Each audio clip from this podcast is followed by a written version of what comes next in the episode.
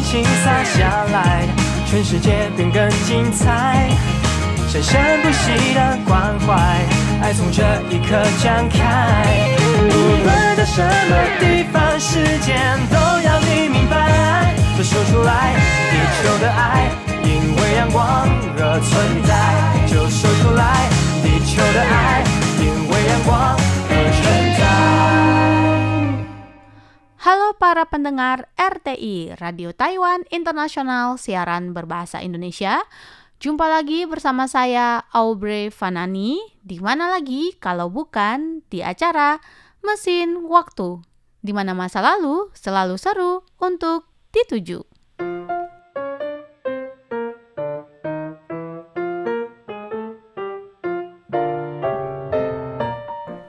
Ya pendengar, saat ini sudah 1 Juli 2023 Wah, memang waktu itu berjalan tanpa terasa ya. Ternyata bulan 5 sudah lewat dan kita sekarang memasuki bulan 7 Dan seperti biasa nih, musim panas lagi panas-panasnya. Tapi juga ini salah satu musim kesukaan saya Karena buah mangga ada di mana-mana Mangga memang menjadi salah satu buah kesukaan saya nih. Apalagi kalau yang warnanya merah ya di Taiwan ya. Saya kurang tahu sih nama persisnya mangganya apa. Tapi itu wah segar banget dan saya paling suka tuh kalau makan mangga tuh dikulkasin dulu. Jadi eh, bisa disantap saat dingin. Nah, gimana nih kalau pendengar RTI? Eh, senang juga nggak makan buah mangga? Atau senangnya nih mangga dibuat jadi suatu olahan gitu misalnya? Kalau di Thailand kan salah satu makanan dengan olahan mangga paling terkenal adalah mango sticky rice dan mungkin eh, ada juga ya kalau di Indonesia beberapa varian seperti pancake mangga. Jadi emang itu mirip pancake durian eh, dikasih kulit ya, terus dikasih krim, terus dikasih mangga. Itu enak juga sih. Dan salah satu makanan olahan mangga saya di Taiwan adalah es serut mangga. Nah, itu enak banget dan salah satu favorit saya tuh dijual di Dongmen Market Sinchu. Wah, panas-panas gini enak banget makan es serut mangga. Ngomong-ngomong soal buah-buahan, kali ini kita akan bahas mengenai buah-buahan termahal yang pernah dijual di dunia ini. Penasaran kan apa aja sih buah-buahan yang mahal? Tapi ini bukan karena kelangkaan ya, tapi karena budidayanya. Dan juga dari mana sih asal buah-buahan tersebut? Yuk, mari langsung saja kita bahas. Yang pertama ada Yubari King Melon yang kalau dirupiahkan harganya sekitar 700 juta rupiah. Jadi memang Yubari King Melon ini asal Jepang dan melon ini dibudidayakan di tanah vulkanik yang membutuhkan waktu lebih dari 100 hari untuk berproduksi. Jadi, setiap harinya petani akan membentuk buah melon untuk menciptakan pola sempurna yang membuat buah tersebut mahal. Selain itu, buah ini juga dipercaya memiliki rasa yang manis, harum, dan sedikit pedas. Dan harga tersebut itu adalah harga per butir ya atau per buah ya. Kemudian untuk urutan kedua, buah yang termahal ada semangka densuke. Dan lagi-lagi ini tumbuh eksklusif di Hokkaido, Jepang. Memang eh, semangka densuke ini sulit dibudidayakan dan hanya berbuah secara terbatas per musimnya. Oleh karena itu, tak heran buah ini memiliki harga jual yang sangat mahal, yaitu sekitar 93,1 juta per buah. Semangka ini biasanya memiliki warna yang lebih gelap dengan rasa manis dan biji yang lebih sedikit daripada semangka pada umumnya. Bagaimanapun, meski buah ini tumbuh di Jepang, tetapi menurut beberapa laporan, makanan mewah ini juga dijual di beberapa negara lain seperti Kanada. Buah berikutnya yang dilaporkan juga menjadi buah termahal, lagi-lagi berasal dari Jepang dan nama buahnya adalah mangga taiyo no tamago. Wah, ini salah satu favorit saya ya, mangga. Dan buah ini memiliki harga sekitar 31 juta. Ditanam secara eksklusif di prefektur Miyazaki, Jepang, buah mangga ini memiliki tekstur yang lembut dengan sedikit serat dan rasanya diklaim bak permen. Bahkan hal yang unik adalah kulit mangga ini juga bisa dimakan. Buah mahal berikutnya adalah semangka persegi yang dijual sekitar 12,4 juta per butirnya. Bentuknya ini memang unik ya dan dipercaya memudahkan ketika diangkut, dipotong dan disimpan.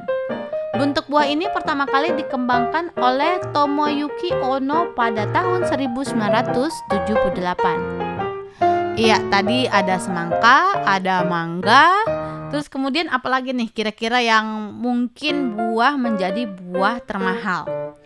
Berikutnya ada anggur ruby roman yang dijual 6,9 juta per tandan. Dan ini lagi-lagi berasal dari Jepang.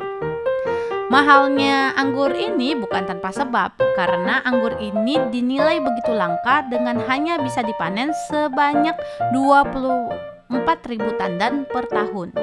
Selain itu, anggur ini juga menjalani pemeriksaan ketat untuk memenuhi standar pasar dengan terdapat tiga kategori, yaitu superior, khusus, dan premium. Sedangkan untuk rasanya, anggur ini dinilai sangat berair dengan rasa manis dan keasaman yang relatif rendah. Uh, kebayang ya kalau mangga ini difermentasi dan dijadikan wine kok mangga? Maksud saya anggur ini dijadikan wine. Kebayang ya um, harganya akan seperti apa lagi gitu. Bahkan masih jadi buah aja pertandannya 6,9 juta. Apalagi kalau sudah menjadi minuman wine. Dan berikutnya ada stroberi putih. Nah mungkin belakangan ini sudah tidak asing ya kita melihat stroberi ada yang putih ini bukan karena stroberinya belum matang, tapi memang stroberi ini warnanya putih gitu, seperti albino. Dan harganya itu sekitar 155.000 per buah. Itu artinya jika dalam satu bungkus terdapat 15 sampai 20 stroberi, maka kita akan mengeluarkan uang sekitar 2,3 sampai 3,1 juta. Dan stroberi putih ini tidak hanya bisa kita temukan di Jepang, di Jepang ada ya, tapi juga ada dari Korea. Saya pernah nih mencicipi um, strawberry dari Korea, Amerika, dan juga dari Jepang dan semuanya rasanya tuh berbeda-beda dan um, tingkat keasamannya ya, terutamanya itu cukup berbeda. Kalau selera saya sih saya lebih suka strawberry asal Amerika. Selain buahnya lebih gemuk, lebih gendut, juga rasa manisnya itu lebih dominan dibandingkan rasa asamnya. Tapi saya juga suka sih strawberry Taiwan yang gampang banget ditemuin saat musim dingin. Dan salah satu olahan yang paling enak tuh ya uh, strawberry itu adalah daifuku atau mochi yang dikasih kacang merah terus tengahnya tuh ada strawberry. Wah itu saya suka banget sih makan itu. Dan tentunya juga es serut strawberry.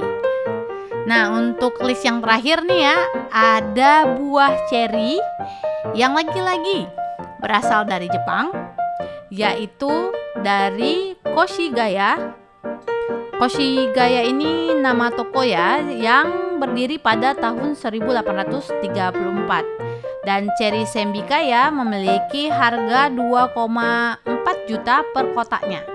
Cherry ini harus memenuhi standar tinggi dan ketat dalam hal ukuran, warna, dan kualitas rasa yang segar sebelum dipasarkan. Ngomong-ngomong soal buah-buahan tadi, hampir semua ya yang saya sebutkan itu berasal dari Jepang. Memang kenapa sih buah-buahan Jepang itu lebih mahal dibandingkan buah-buahan dari daerah lain? Nah, ini memang ada beberapa alasan ya. Pertama, di Jepang buah-buahan itu dianggap sebagai produk mewah.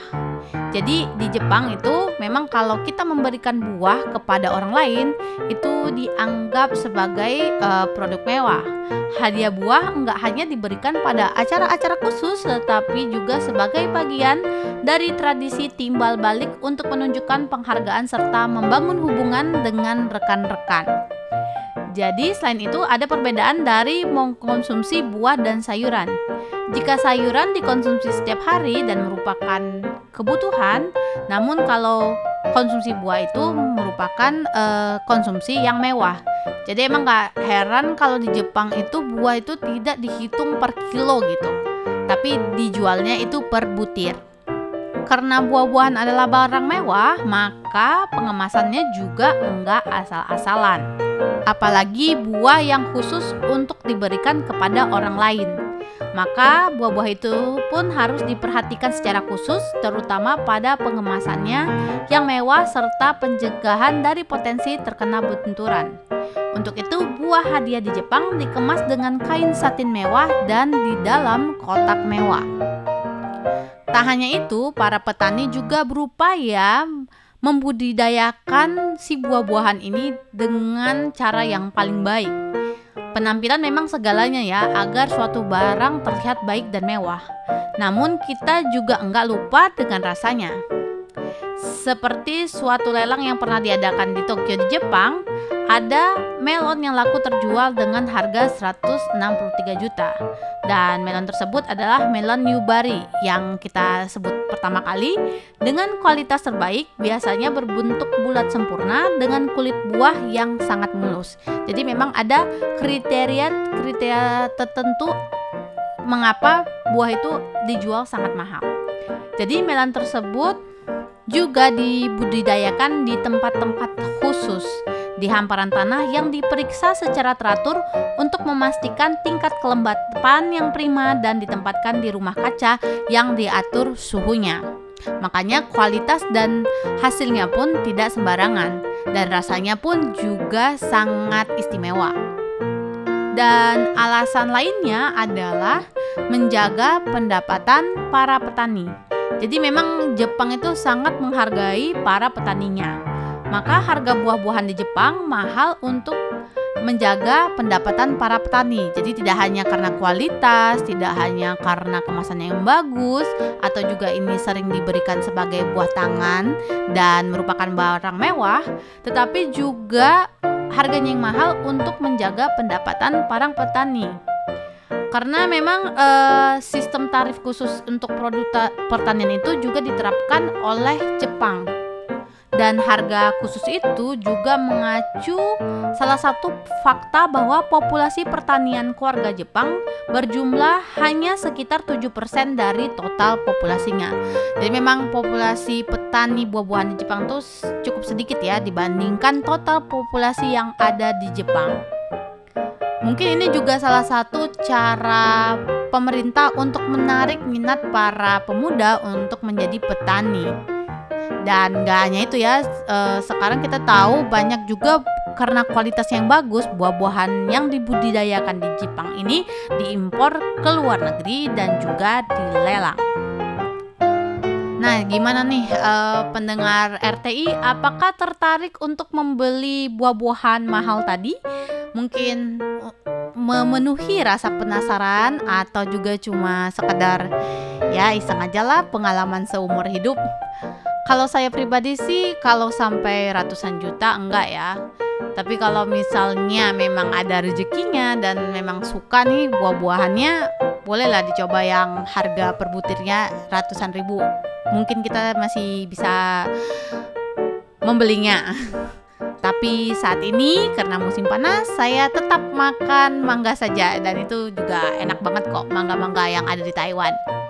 Oke pendengar, karena kita sudah di penghujung acara, maka acara mesin waktu harus berhenti sampai di sini dan kita akan ketemu lagi di minggu depan di acara di jam yang sama juga. Di mana lagi kalau bukan di mesin waktu, di mana masa lalu selalu seru untuk dituju dan tetap bersama saya Obrey Fanani. Sampai jumpa dan dadah.